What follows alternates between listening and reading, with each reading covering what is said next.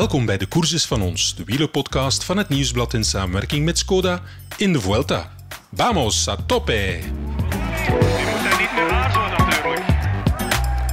Maar er sluit veel volk aan. Het valt stil. De grote drieën zijn niet kunnen wegrijden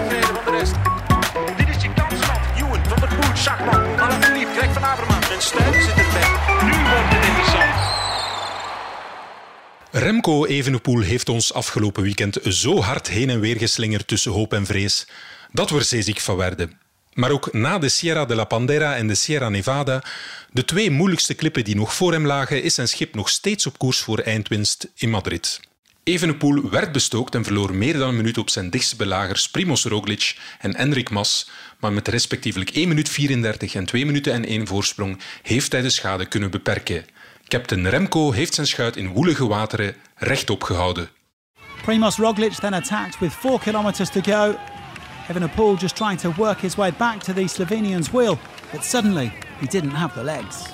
Evenepoel showing his first signs of weakness. Can the overall leader hit back tomorrow in the Sierra Nevada? Roglic apparently didn't have enough in the tank to attack Evenepoel. The Slovenian finally went for it in the last few kilometres, but he wasn't able to put much time into the Belgian as Arondsman prepared to celebrate the biggest win of his career. The Belgian really showing his tenacity on that final climb. He will head into week three with a lead of 1 minute and 34 seconds. Arondsman jumps up three places to eighth. Ja, het is duidelijk dat de aankomsten niet meer zo zwaar zijn als ze geweest zijn. De percentages liggen veel lager, maar eh, dat maakt het niet, niet minder gevaarlijk. Ehm, gewoon gefocust blijven. Eh, we zijn een grote stap korter bij Madrid, maar eh, het zijn nog eh, drie hele belangrijke etappes in mijn ogen. Etappe 19 zou Pedersen al verklaard hebben dat ze zou willen controleren, maar ja, dat moeten we nog zien natuurlijk. Dus ik verwacht vooral dat Movistar nog een, typisch Movistar nummertje gaat opvoeren. Ehm, vooral in de rit 20, want die ziet er best nog lastig uit. Maar dat is nog een lange weg en als we die dag kunnen starten met anderhalve minuut voor nog altijd, dan, dan staan we heel ver.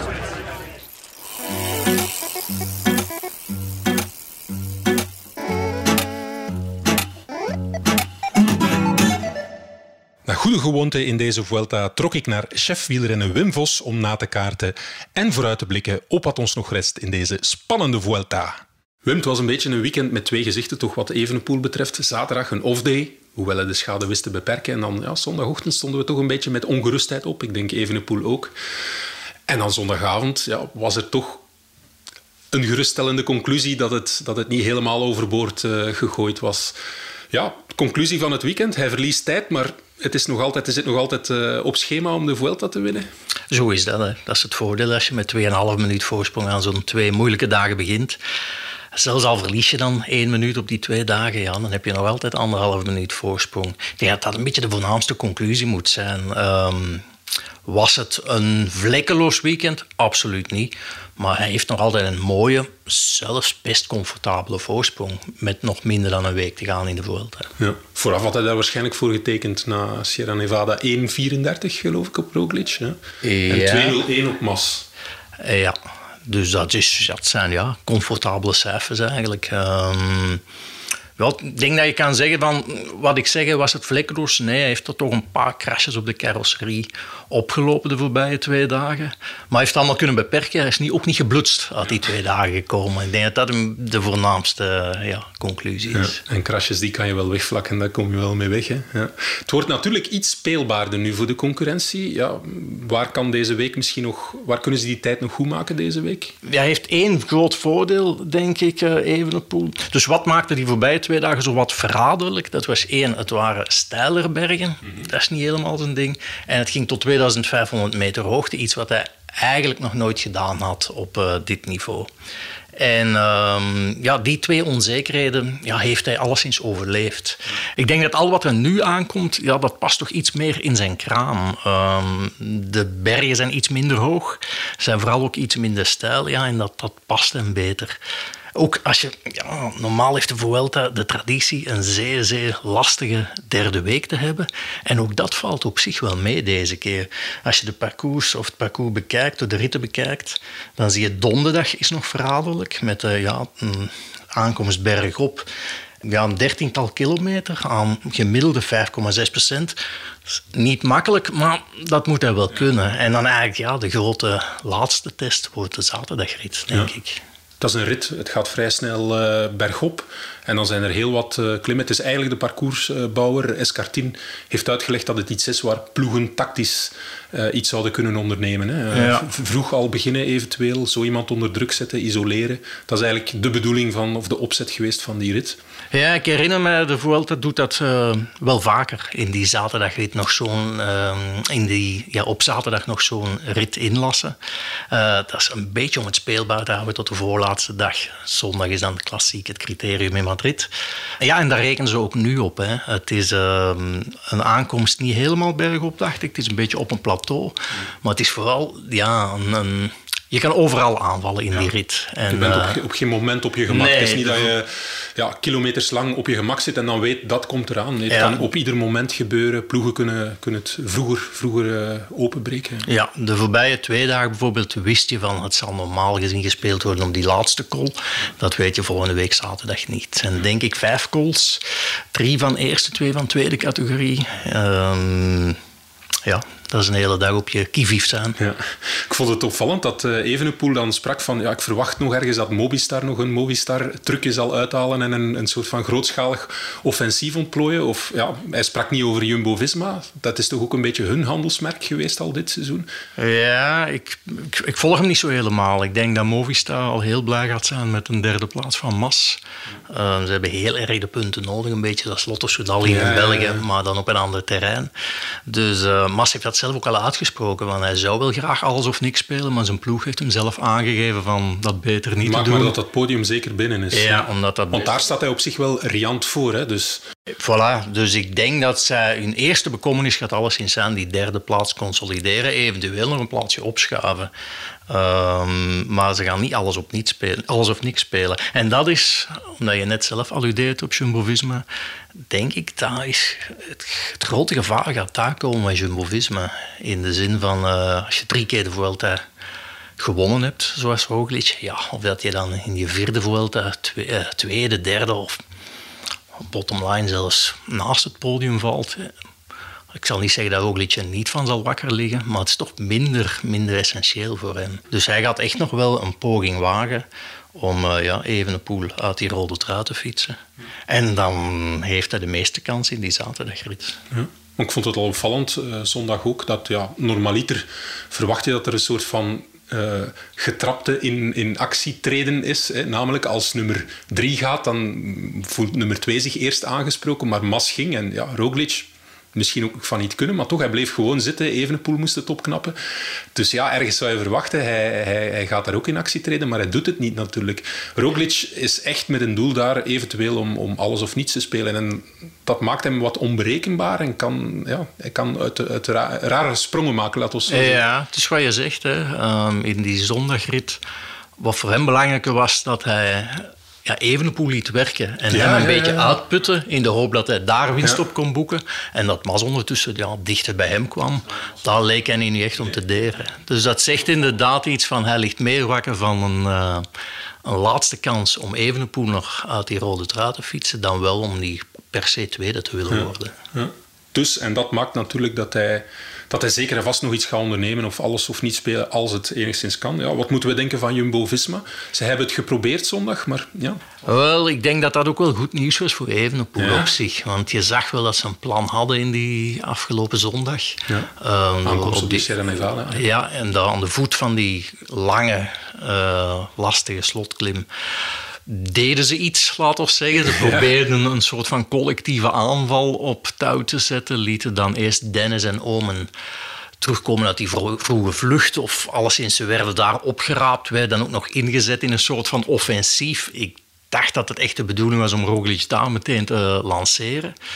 Uh, maar dat lukte toch niet echt. Nee. Evenepoel kwam eigenlijk vrij makkelijk in zijn wiel en heeft dat ja, kunnen volhouden tot in die laatste kilometer. Um, ja, Jumbo-Visma, het is, je ziet dat ze plannen hebben, dat ze ook alles doen om ja, Evenepoel uit evenwicht te, te brengen. Maar wat ze bijvoorbeeld in de Tour wel heel goed kunnen, dat is die, dat plan tot in de perfectie uitvoeren. Kijk met die rit naar Otakam, waarin Benoot uh, mee werd gestuurd met lange vlucht. Van Aert mee op uh, vooraan reed, waarna dat dan Vingegaard kon aansluiten net halve op Otakam en Van Aert perfect zijn, ja, zijn, zijn rol als... als ja, grote steunpilaar van Vingegaard kon spelen. Dat, daar klopten die plannen allemaal perfect. En gisteren ze hadden wel een plan, maar het kwam niet echt van de grond. Het is natuurlijk een ander gegeven als je Sam Omen vooruitstuurt of Wout van Aert, met alle respect voor Sam Omen.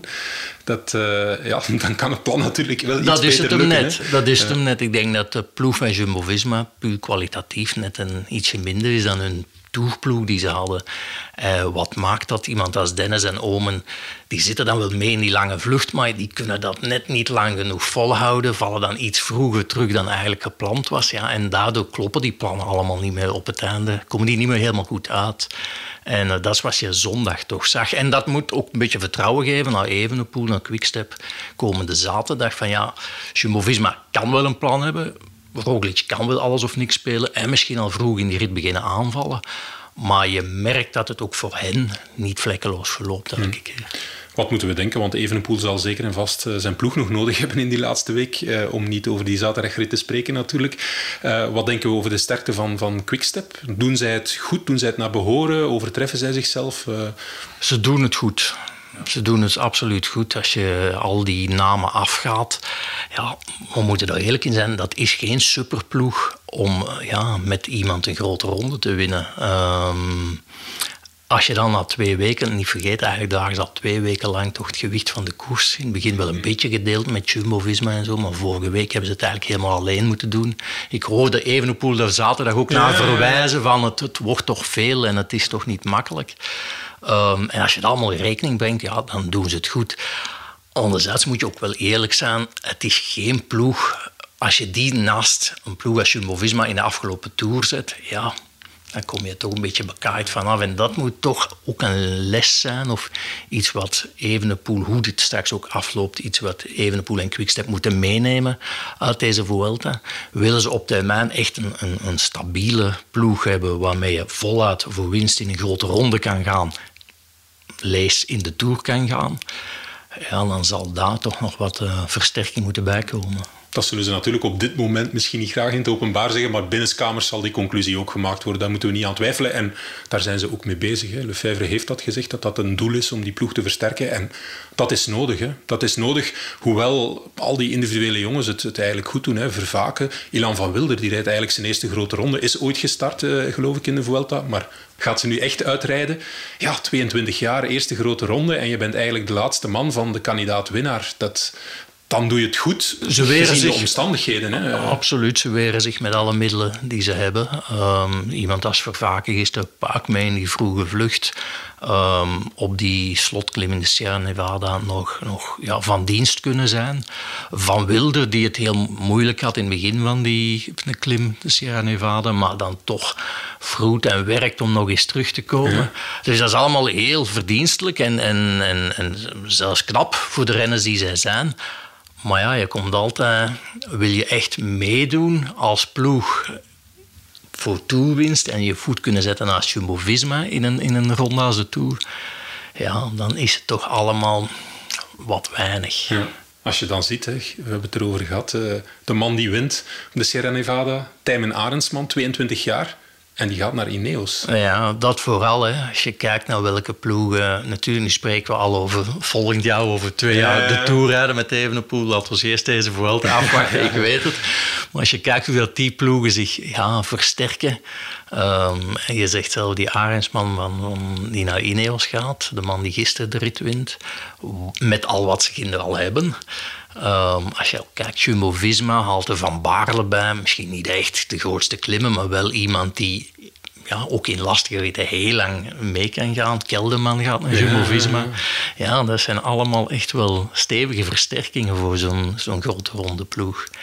En Quickstep heeft Jan Hirt gehaald. Ja. Een, een, jongen die het afgelopen G in de Giro um, dit voorjaar nog heel goed heeft gedaan. Dus dat is op dat vlak ook zeker een versterking. Maar ja, Ik denk dat er toch nog iets bij mag, eigenlijk. Ik denk dat ze die analyse ook intern zullen maken. En nogmaals, als Evenepoel in Madrid het rood draagt, dan mm, verdient deze ploeg alle lof. Maar uh, er moet zeker iets bij, dat is de conclusie. Op lange termijn wel, denk ik. Ondertussen merk je dat we ons stilaan toch schoorvoetend een beetje aan het klaarmaken zijn, mocht het gebeuren. Hè. Vive Velo is er ondertussen weer uh, deze week. Dat is toch wel een veegteken aan de wand, dat er misschien wel iets, iets, iets uh, historisch staat te gebeuren. Um, ja, je voelt het, hè? we maken ons stilaan klaar, mocht het gebeuren. Ja, ja, en zo hoort het ook, hè, Michael. It's entertainment. Dus ja, daar mag, mogen de mensen zich ook mee amuseren en zich een beetje aan verlekkeren van uh, wat er kan gebeuren. En uh, ja, moet een kat en kat noemen. Op dit moment is het de absolute topfavoriet voor de Vuelta. Je kan heel lang zeggen, we moeten rustig en nuchter blijven. Maar je kan ook niet rustig blijven tot in Madrid natuurlijk. Dan is de, dan is de fun er ook een beetje Als we dan ook de, de tapkranen moeten uh, aanleveren, dan is het te laat natuurlijk. Hè. Een beetje voorpret mag en die is volop ingezet, denk ik. Ja, Oké. Okay. Laten we hopen dat uh, het bier mag vloeien en dat uh, de bijlagen in het nieuwsblad mogen verschijnen en dat Vive le Velo niet voor niets in uitzending is geweest. Wim, zeer bedankt. Heel graag gedaan. En wij spreken elkaar na de Vuelta, na de laatste rit in Madrid. En hopelijk dan met uh, goed nieuws. Hè. Je gezin is net als een wielerploeg. We moedigen elkaar aan. En we weten dat we met de tips van onze ploegleider we alle kansen hebben om echte kampioenen te worden. Skoda, supporter van de grootste fietsfamilie. We leggen een lijn naar Spanje met onze reporters te plekken Jan-Pieter Vlieger alias GP en Maarten Delvaux alias MD. Ik sprak hen in hun hotel dat ze delen met een wel heel bijzonder iemand. Voor het weekend had Remco Evenepoel 2 minuten 41 op Roglic. Dat is geslonken naar 1 minuut 34 en 3 minuten en 3 op Enrik Mas. En dat is geslonken naar 2 minuten en 1 seconde. Wat moeten we maken van dit weekend van Evenepoel? Was het een goed weekend of een slecht weekend of een weekend met twee gezichten?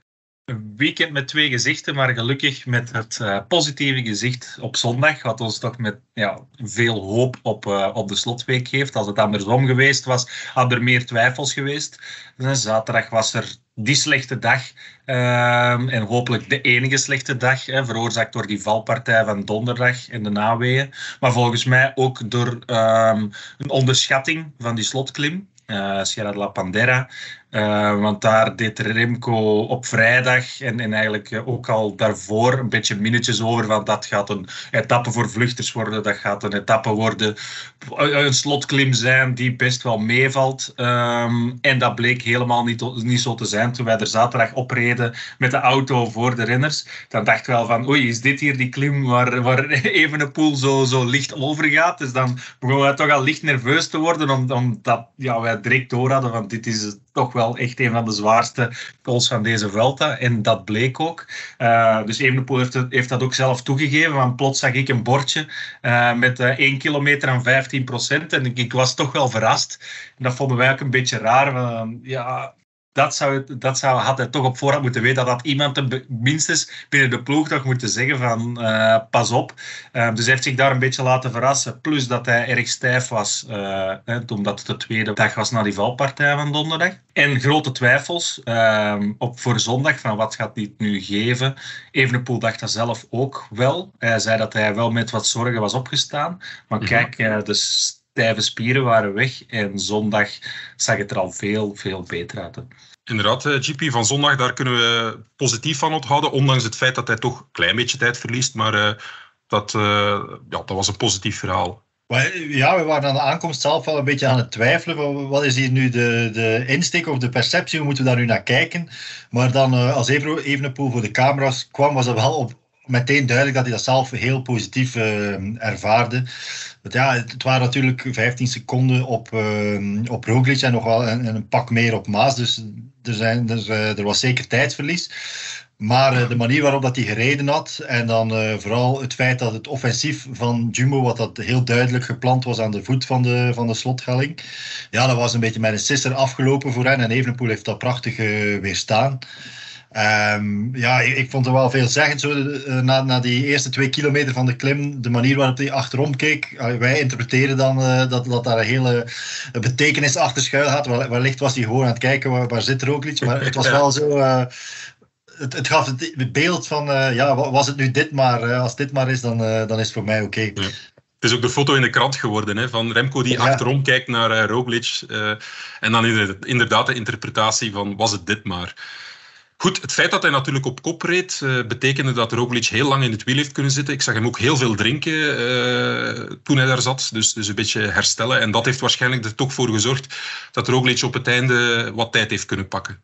Ja, dat denk ik ook wel. Um, Evenepoel had op voorhand altijd gezegd dat de Sierra Nevada eh, in het begin wordt, is het stijl en nadien is het ideaal om te volgen, om in het defensief te zitten, in het wiel te zitten. Dus het was een beetje raar dat hij die volledige Sierra Nevada eigenlijk voor zijn rekening nam. Dus allicht had het iets slimmer geweest om, om, om daar uh, in plaats van Roglic in, in, het wiel te zitten. Maar ik begrijp ook, Mas uh, reed weg, dus er moest wel iemand het tempo doen. Dan is het een beetje gepoker. En we weten ook wel van de eerste twee weken dat Evenepoel zich heel comfortabel voelt door op kop te rijden en zo'n tempo te zetten dat de rest niet kan aanvallen. Dus op zich, dat is een strategie die, die uh, ja, in die eerste vijf bergritten eigenlijk altijd perfect heeft gewerkt. Dus valt het ook enigszins te begrijpen dat hij het daar deed, al had hij misschien iets langer in het wiel moeten zitten, dan was hij allicht in dezelfde tijd als Roglic binnengekomen. Dan weten we niet hoeveel seconden Mas uh, nog had gepakt. Dus op zich... Ja, hij legt dat uit, een beetje zoals Maarten nu uitlegt, maar ook aan het begin van, die, van de helling, uh, of vanaf het moment dat hij al kop was, wilde hij zo snel mogelijk naar Vervaken rijden, omdat hij dan weer het numerieke voordeel had uh, ten aanzien van, van Roglic. En inderdaad daarna vermijden dat er snokken zou geklommen worden. Dus het is ook niet, niet dat, dat je niet kan plaatsen of dat hij te gretig is op die Ik vind dat hij al heel de Vuelta heel, heel beredeneerd is. Hij, hij probeert nooit voor ritzegens te gaan. Hij, hij uh, schat altijd goed in hoe dat hij zijn ploegmaats uh, zo weinig mogelijk uh, energie laat verbruiken. Dus dat is iets dat we weinig met hem associeerden, vond ik vooraf. Zo, ja. Hij laat heel weinig zijn ego spreken, vind ik, in de Vuelta. Ja. Het is altijd zo slim en zuinig. Ja. En dat was nu, door dat kopwerk kon je zeggen dat dat misschien niet zo was, maar er zat nog altijd wel een, een goed idee achter in zijn hoofd. Wat moeten we, moeten we maken van de ploegprestatie? Want ik vond het opmerkelijk, ik vond dat heel interessant in jouw stuk te lezen, GP. Uh, zaterdag was ik misschien persoonlijk als kijker een beetje streng voor, uh, voor Ilian van Wilder. Ik dacht van ja, hij heeft heel weinig kopwerk kunnen doen uiteindelijk voor Evenepoel. En dat heel klein stukje dat, dat hij dan doet, rijdt uh, Roglic weg. Maar bij jou las ik dat, ja, dat Van Wilder op dat moment wel 440 watt aan het trappen was wat je bezwaarlijk slecht kunt noemen. Dus Roglic was gewoon zo sterk.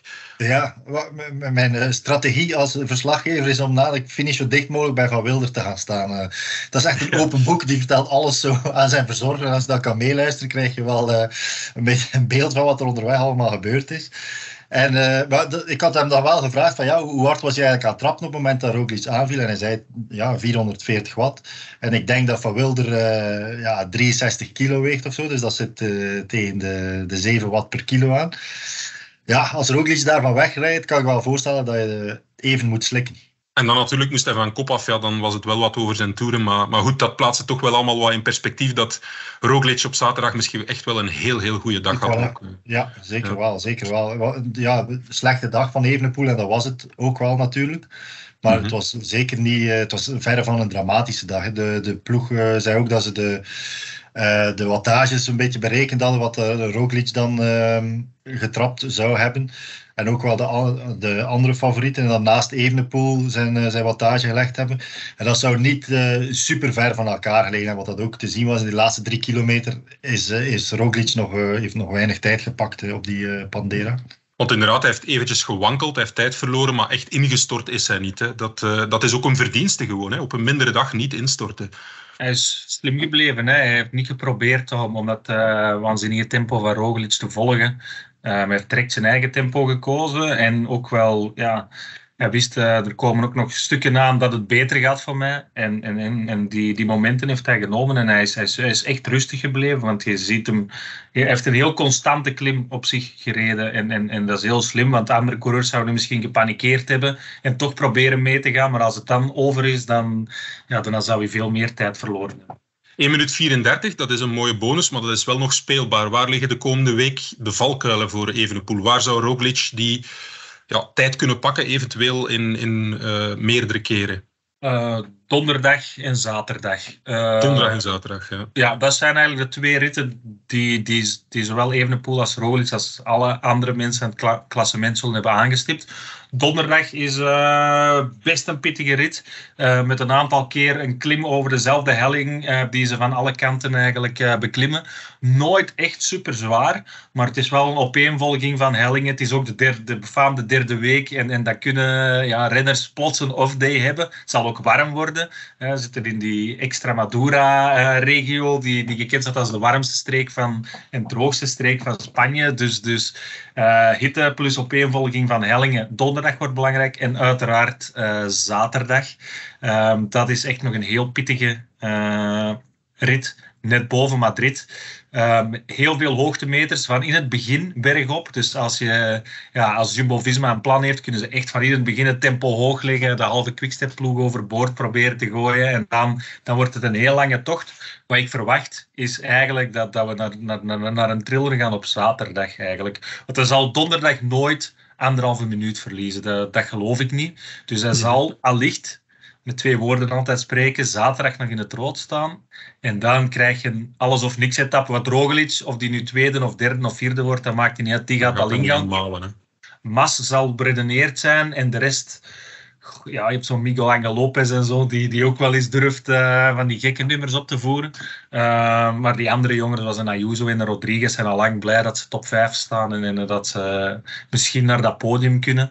Uh, maar vooral Roglic zal zaterdag alles of niks spelen en, in Jumbo-Visma. Dus dat wordt de cruciale dag. En dat is wel mooi ook. Hè. Op, de, op de voorlaatste dag uh, een triller, een secondenslag uh, misschien. Dus als Evenepoel daar, en dat zegt hij zelf, nog altijd met die anderhalve minuut bonus kan rijden, dan ziet het er zeer goed uit. Goed, uh, ik zie jullie trouwens in een, een vrij uh, oké hotel zitten vandaag. Vorige keer hadden jullie een soort van fake achtergrond gecreëerd. Toen was het een mindere kamer, nu is het de echte kamer. ja, waar zitten jullie? Ja, die achtergrond had meer met de rommel op mijn kamer te maken. nu zitten we op Maarten zijn kamer, die veel netter is. Ja. we zitten in het Luna de Granada hotel vlakbij Granada. Ja, en een extra troef van het hotel is aan de overkant uh, van de gang uh, slaapt uh, Oemi, ja, de Oemi van Remco.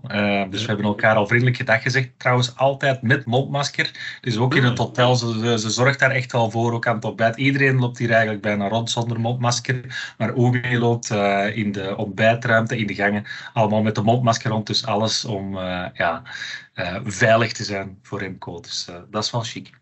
Ze kan, ze kan ons eigenlijk bijna horen. Uh, we moeten opletten wat we zeggen. Daar ben ik zeker van van wel. Ja, dus daarom dat we ook geen slechte dingen over hem kon durven zeggen, want anders dan wordt op de kamer gekomen. Oké. Goed, uh, maandag uh, na de Vuelta zijn wij er opnieuw bij jullie. En dan, als jullie niet in de buurt van Umi zitten, dan kunnen jullie de waarheid spreken dan over hem. ja, wat jullie denken. Goed, in elk geval bedankt. Veel succes. Ik hoop dat jullie een historisch moment mogen verslaan. het zal te bezien zijn. In elk geval wordt het zeker nog spannend. heel veel succes. Merci. Merci. We maken ons klaar voor een heel spannende slotweek van deze Vuelta. Rest mij nog onze trouwe partner Skoda te bedanken. En we zijn er na afloop van deze Vuelta opnieuw met een podcast waarin we hopelijk kunnen terugblikken op de eerste Belgische rondewinnaar sinds Johan de Munk in de Giro van 1978. Houd de zenuwen onder controle. Als je een kerk passeert, brand misschien een kaarsje. Maar vooral geniet van deze Vuelta. En vergeet niet, in Remco We Trust.